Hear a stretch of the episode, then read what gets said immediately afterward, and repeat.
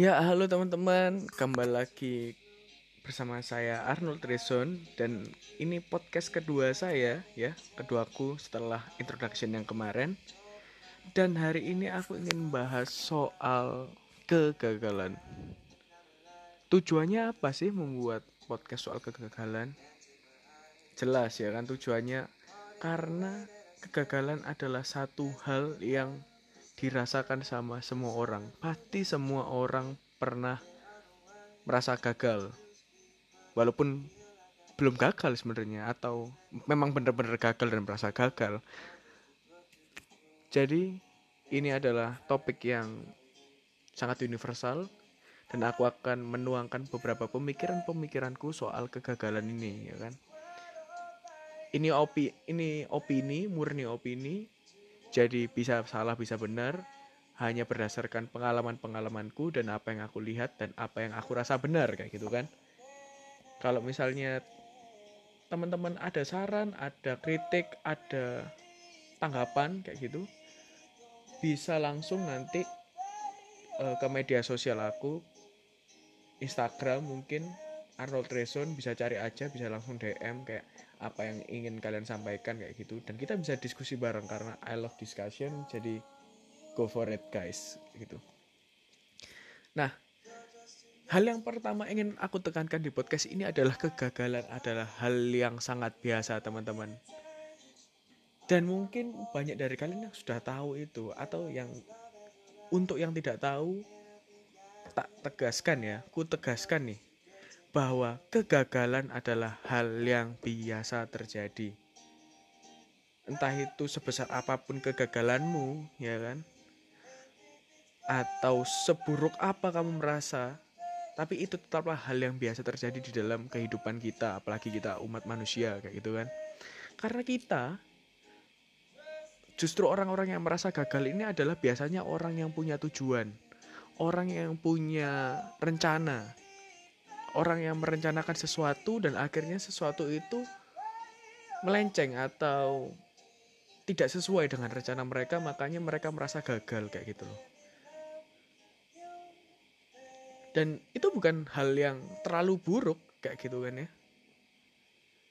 Karena itu berarti kita mencoba kita mengusahakan sesuatu. Meski akhirnya kadang-kadang tidak sesuai dengan keinginan kita kayak gitu Justru orang-orang yang tidak pernah merasa gagal itu ada pertanyaan besar di dalam hidupnya. Menurutku. Entah kamu itu kalian orang yang tidak pernah gagal tidak pernah merasa gagal itu adalah orang yang luar biasa sampai tidak pernah gagal selalu melakukan sesuatu dengan sempurna atau malah pertanyaan yang ke, pernyataan yang kedua adalah apa kalian tuh nggak ngelakuin apa-apa? Sehingga kalian nggak pernah gagal kayak gitu. Jadi kegagalan itu adalah hal yang biasa teman-teman. Yang perlu kita pikirkan adalah malah apa yang akan kita lakukan jika kita merasa gagal. Itu jauh lebih penting. Banyak orang sering mikir bahwa mereka takut akan kegagalan kayak gitu ya. Banyak orang yang berpikir seperti itu. Tapi kalau misalnya kita pikir-pikir lagi teman-teman takut akan gagal atau aku takut gagal ini akan nanti kayak gini-gini. Nanti kalau aku maju nanti akan nanti chance untuk gagal itu besar kayak gitu. Akhirnya orang-orang seperti itu malah tidak berjalan ke mana-mana. Karena how can they know the result if they don't try? Dan emang di dalam suatu elemen nyoba, namanya juga nyoba, kita itu pasti ada chance untuk gagal. Dan semakin besar dream kita, semakin besar tujuan kita, atau semakin jauh kita bermimpi, chance untuk kegagalan itu akan semakin besar kayak gitu loh. Karena emang jauh halnya yang kita mimpikan. Jadi orang biasa berpikir bahwa takut gagal dan takut gagal lagi takut gagal lagi dan akhirnya mereka nggak maju ke mana-mana. Dan menurutku itu buruk teman-teman. Ada lagi pandangan kedua yang berpikir bahwa kalau aku, kalau aku sudah gagal ya udah ini akhir dari dunia. Ini biasanya gagal dalam percintaan misalnya gitu ya. Gagal dalam cinta. Satu bulan pacaran merasa cinta setengah mati terus habis itu diselingkuhi merasa gagal. Bunuh diri ya. Silat-silat tangan dulu dong kayak gitu atau banyak hal lagi justru menurutku kegagalan ini akan bisa menjadi suatu hal yang mendorong kita, memotivasi kita di masa depan jika kita berbuat atau mempunyai mindset yang benar atau menghadapi kegagalan ini dengan baik kayak gitu. Nah, gimana cara menghadapi kegagalan yang baik? Menurutku ada beberapa hal yang harus kita lakuin kayak gitu kan. Yang tadi kan mindset mindset tentang gagal yang menurutku kurang baik lah jika kita masih mempunyai mindset itu di 2019 kayak gitu ya. Nah kalau ini cara praktikal untuk menghadapi kegagalan adalah kita harus bisa menerima dulu kegagalan itu. Kita harus kayak mengakui bahwa kita gagal. Istilahnya seperti itu ya. Kayak ya udah aku gagal. Terus kenapa? Nah itu loh. Yang harus kita pikirin. Oke aku gagal sekarang. Ya udah terus what's next? Uh, apa selanjutnya? Kayak gitu loh. Yang pertama kali kita harus let our emotions out. Jadi emang gagal itu menguras banyak emosi teman-teman. Kayak pengen nangis kecewa sama diri sendiri kecewa kenapa kok kita bisa gagal. Merasa mengecewakan orang lain atau merasa diri kita itu nggak pantas. Kayak gitu kan. Kadang-kadang seperti itu.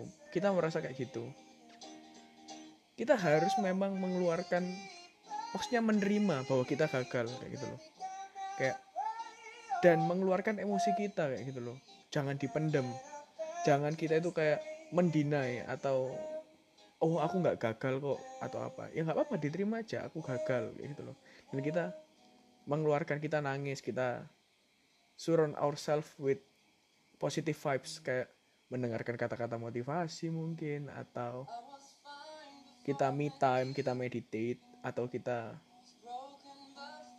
cerita ke orang yang memang bisa kita percaya contohnya orang mama kita kayak apa namanya orang tua kita kayak gitu atau saudara atau misalnya teman kita yang kita percaya kayak gitu loh. Yang kita ngerasa memang bisa memotivasi kayak gitu. Dan setelah kita bisa ngeluarin emosi kita kita sudah nangis nih ya kita sudah cerita. Jangan berlarut-larut di sana teman-teman. Mungkin itu cuma butuh dua tiga hari untuk itu. Untuk kita bisa ngeluarin emosi kita gitu ya. Terus habis itu kita harus berpikir nih. Kita harus membuat plan lagi. Ya udah aku gagal. Rencana yang kemarin itu sudah tidak berguna tidak berlanjut kayak gitu kan. Nah terus rencana apa lagi yang aku bisa lakuin kayak gitu loh. Oh ya teman-teman soal motivasi emang kadang-kadang banyak orang yang merasa kayak oh aku harus dimotivasi orang lain. Aku harus mencari motivasi di luar.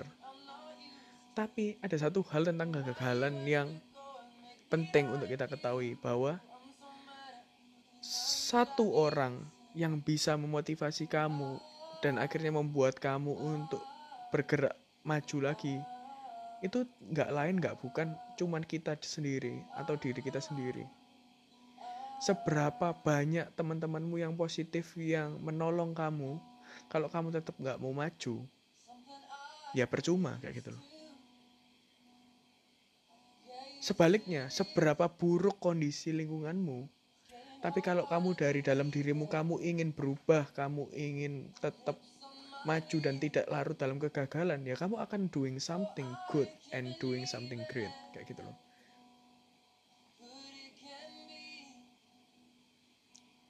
selanjutnya yang harus kita lakuin adalah kita harus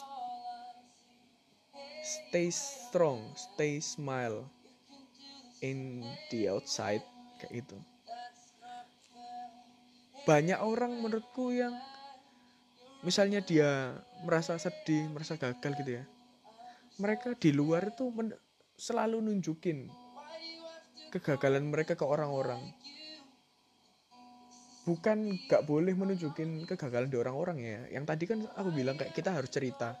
Tapi cerita itu kepada orang yang emang peduli. Tolong bedain peduli sama kepo kayak gitu ya. Kita harus memang benar-benar cari orang itu yang peduli sama kita yang ingin kita itu berubah bukan cuma sekedar hmm, penasaran tentang apa yang kita lalui kayak gitu loh